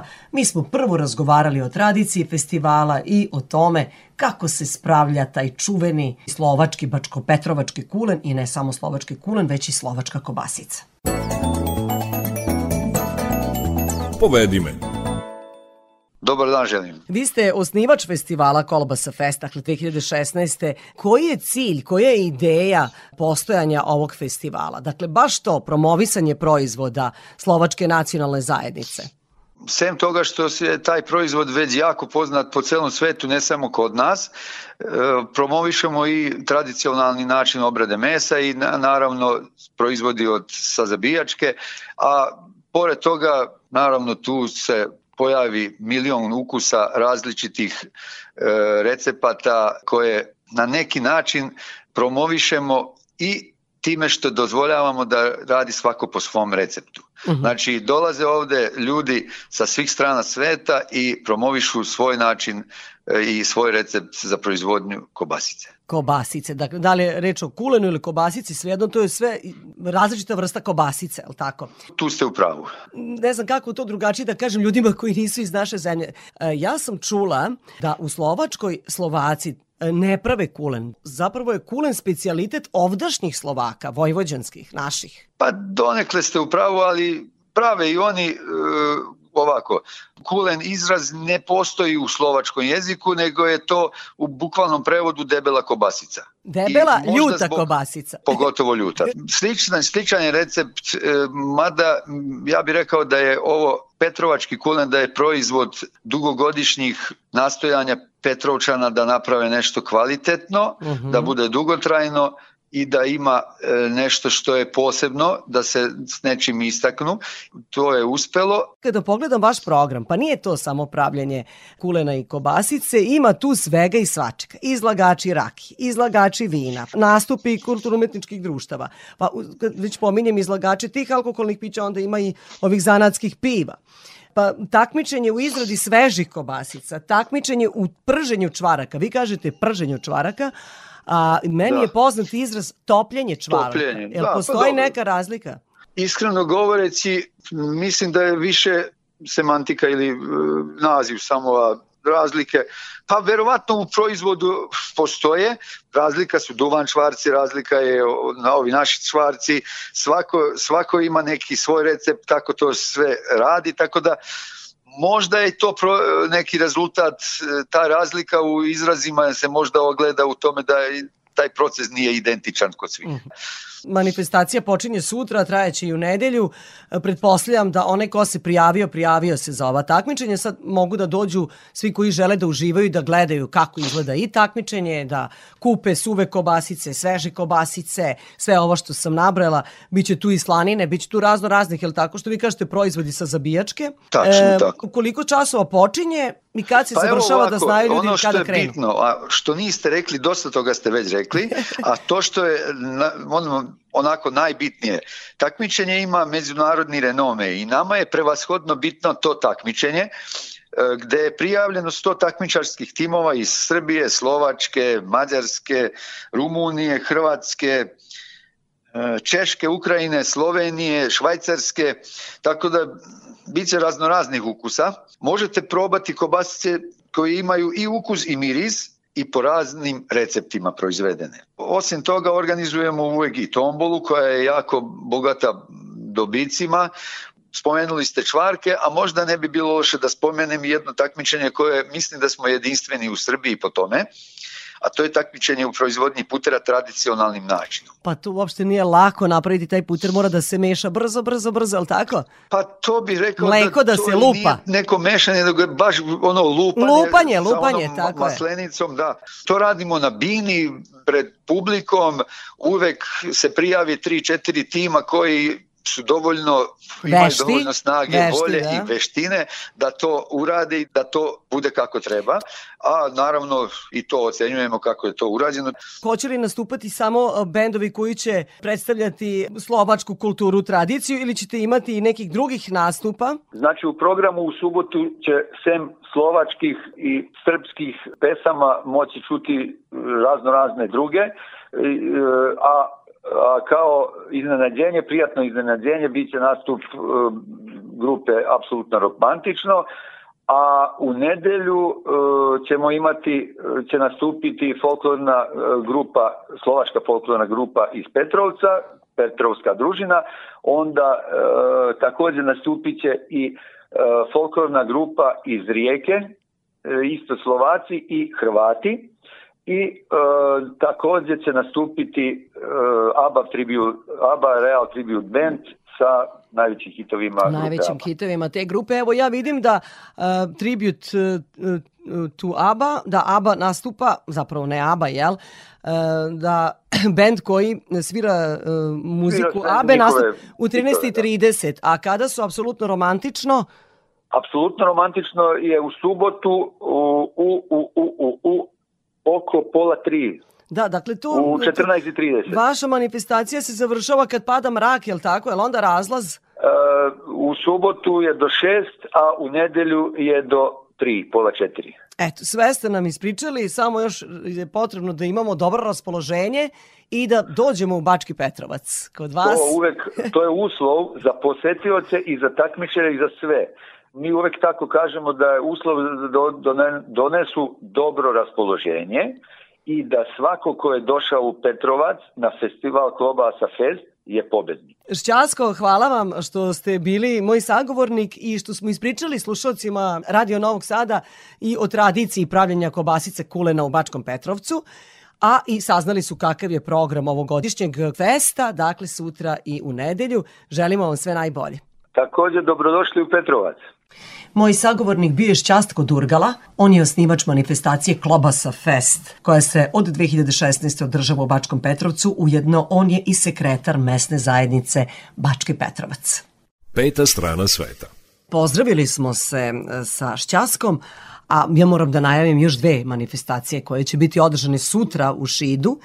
Čak dve kobasicijade, jedna se zove 27. Sremska kobasicijada, Takmičenje u suvoj fermentisanoj kobasici u Slovačkom domu u Šidu biće održana, a druga kobasicijada se zove prosto Šidska kobasicijada. Takmičarski deo u okviru te manifestacije obuhvata izradu najbolje kobasice, brzo jedenje kobasice, takmičenja u najboljoj suvoj fermentisanoj kobasici, brzo ispijanje piva, kao i pokazne vežbe brze obrade mesa. S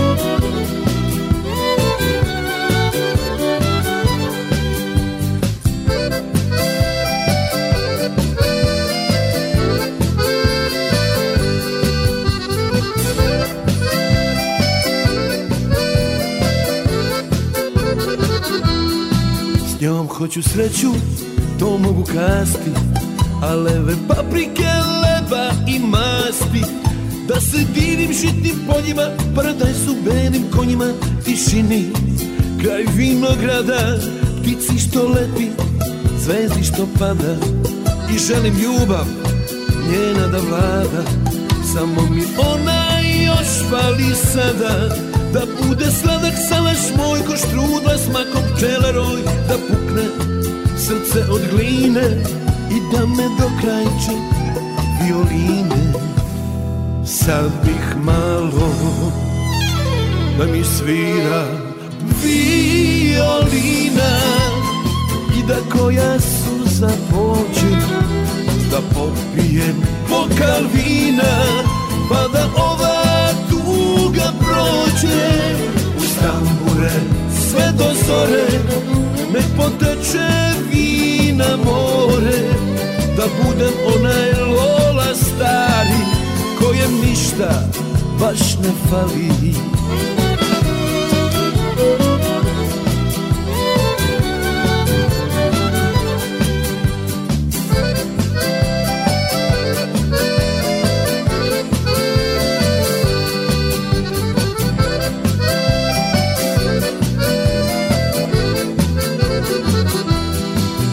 sreću zdravlja i život duži I moju dragu što miriše po ruži.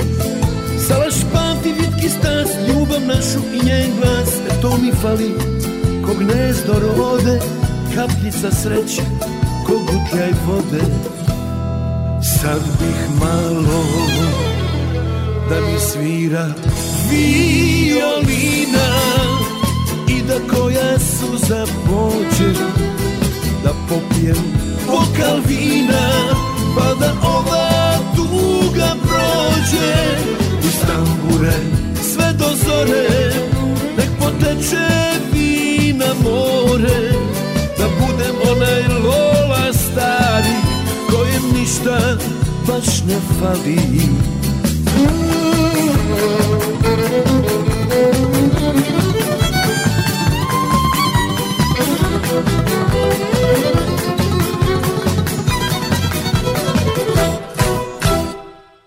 Ostanite uz nas, uskoro će 18 časova, to znači da će kraj pete strane sveta i da ćete čuti rubriku Vesti iz sveta turizma. They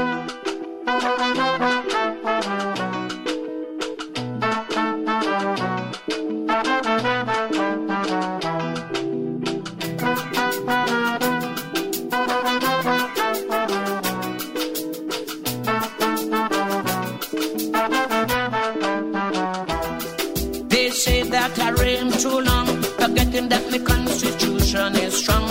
Instead of respecting me long, long reign, they making plot to take down my name. I've been breaking down walls ever since I was small. They could stand up tall and strong like a wrecking ball. I would knock them down.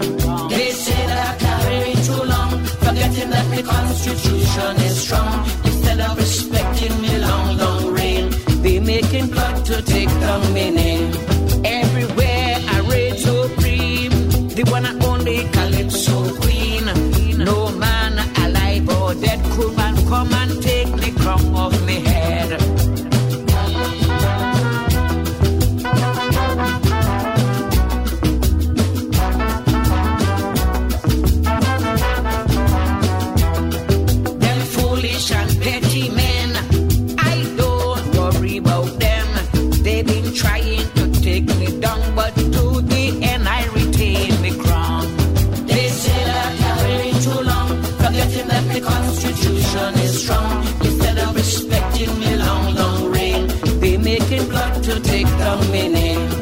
Used to call me small island girl. Now I travel the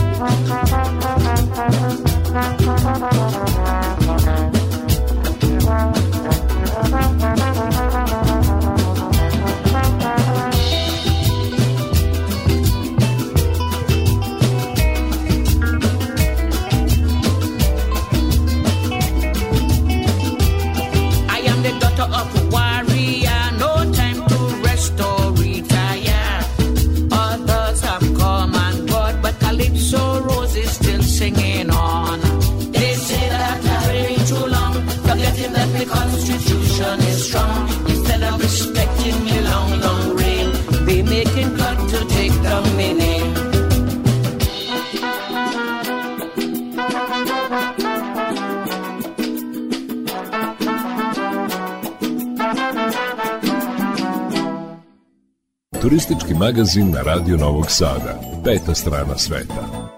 Evo i vesti iz sveta turizma.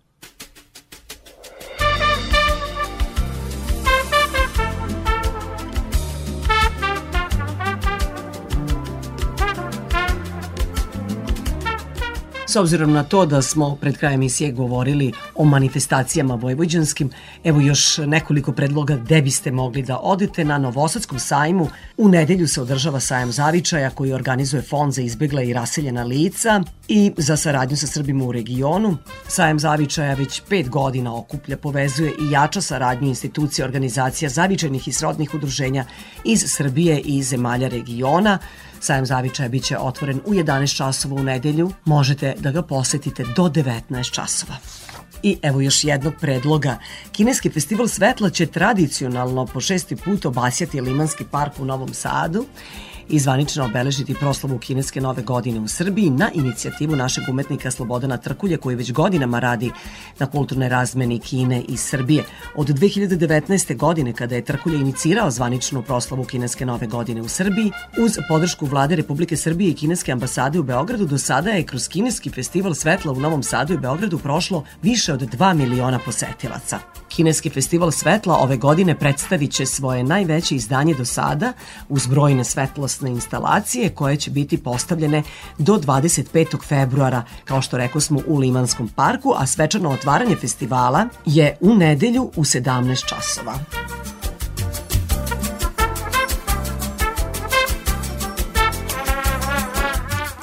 Ovogodišnji partner 45. Međunarodnog sajma turizma u Beogradu je Grčka, koju svake godine poseti više od milion turista iz Srbije.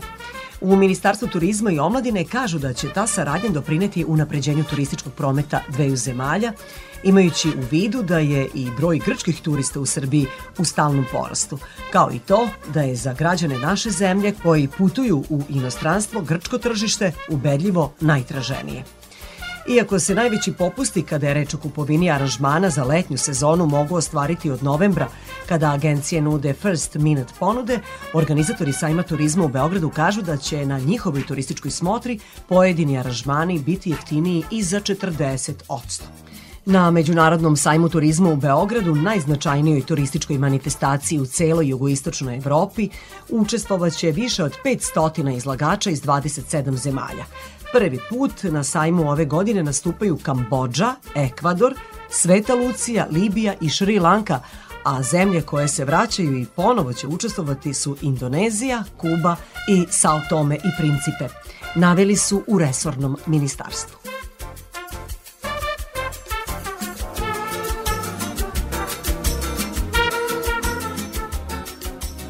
Izvor naredne vesti je B92 putovanja. Na osnovu čak 309 miliona recenzija korisnika jednog od najpoznatijih portala koji su namenjeni rezervaciji smeštaja, portalu booking.com proglašeni su gradovi koji važe za najugodnije, odnosno u kojima je lokalno stanovništvo izuzetno gostoljubivo. Najgostoljubiviji gradovi za ovu godinu su rangirani kako na osnovu dočeka turista od strane domaćina, tako i na osnovu pruženih usluga, ali i standarda koji se odnose na smeštaj i njegov kvalitet. Isto tako su uzete u obzir i dodatne usluge, kao što je, na primer, iznajmljivanje vozila.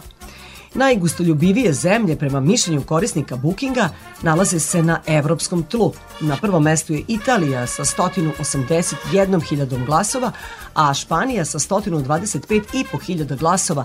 Nakon njih slede Francuska, Nemačka i Velika Britanija. Među prvih deset zemalja poznatih po gostoljubivosti lokalnih stanovnika su i Poljska, Brazil, Sjedinjene američke države, Hrvatska i Portugal.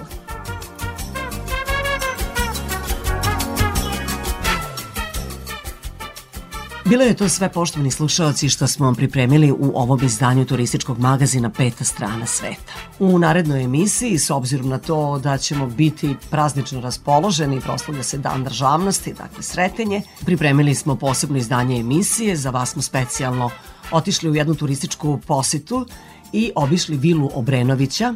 Ona se nalazi u blizini Smedereva i zaista Obrenovići su dosta vremena provodili tamo.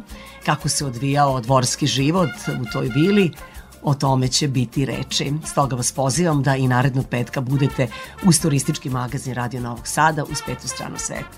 U 18 časova su naše najnovije vesti, a potom i naša najstarija muzička emisija Randevu sa muzikom petkom je uređuje Nikola Glavinić. Sate emisije rezervisan je za World Music. Sa vama su ovoga petka u turističkom magazinu bili muzički urednik Srđan Nikolić i Irina Samopjan, Mi vam želimo srećan put.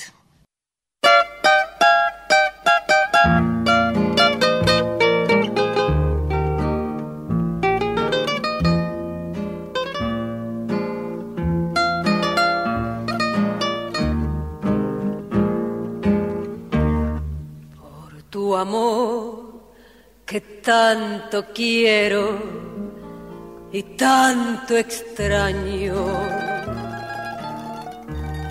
Que me sirvan otra copa y muchas más. Que me sirvan de una vez para todo el año. Que me pienso seriamente emborrachar te cuentan que me vieron muy borracha.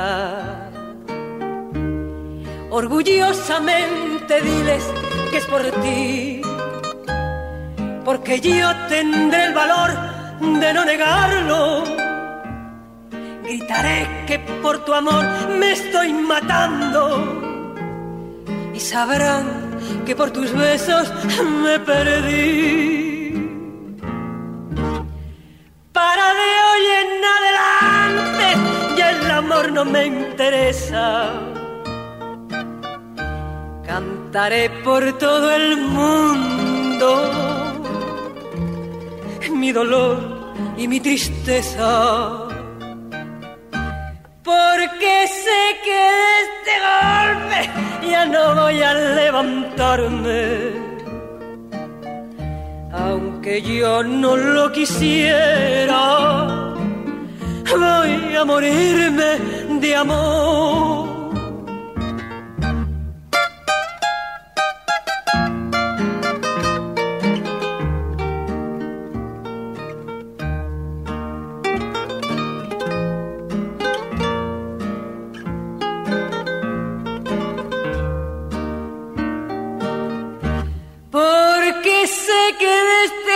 Golpe ya no voy a levantarme. Aunque yo no lo quisiera, voy a morirme de amor.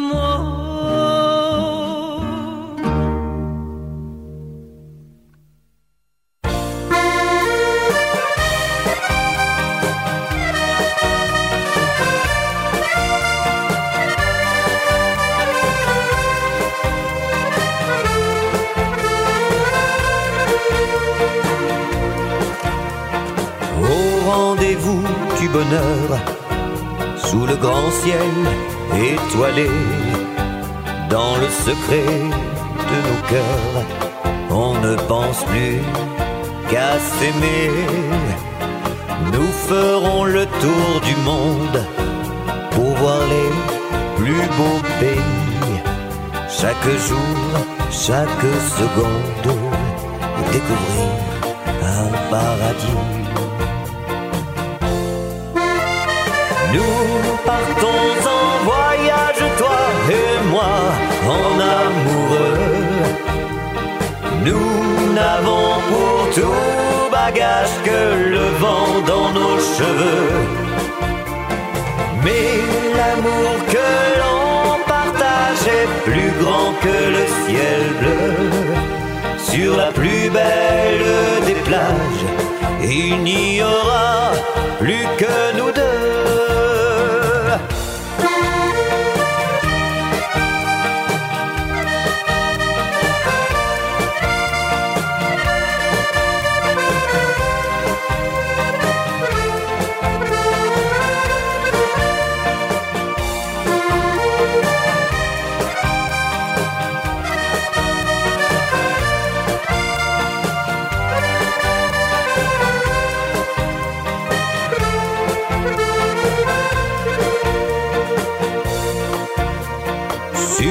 Bateau, en partance, poussé par les alizés, nous écoutons la romance chantée par notre voilier.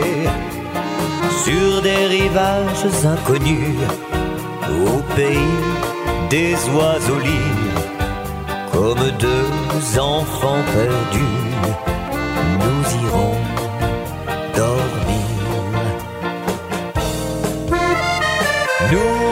partons en voyage, toi et moi, en amoureux. Nous n'avons pour tout bagage que le vent dans nos cheveux. Mais l'amour que l'on partage est plus grand que le ciel bleu. Sur la plus belle des plages, il n'y aura plus que nous deux.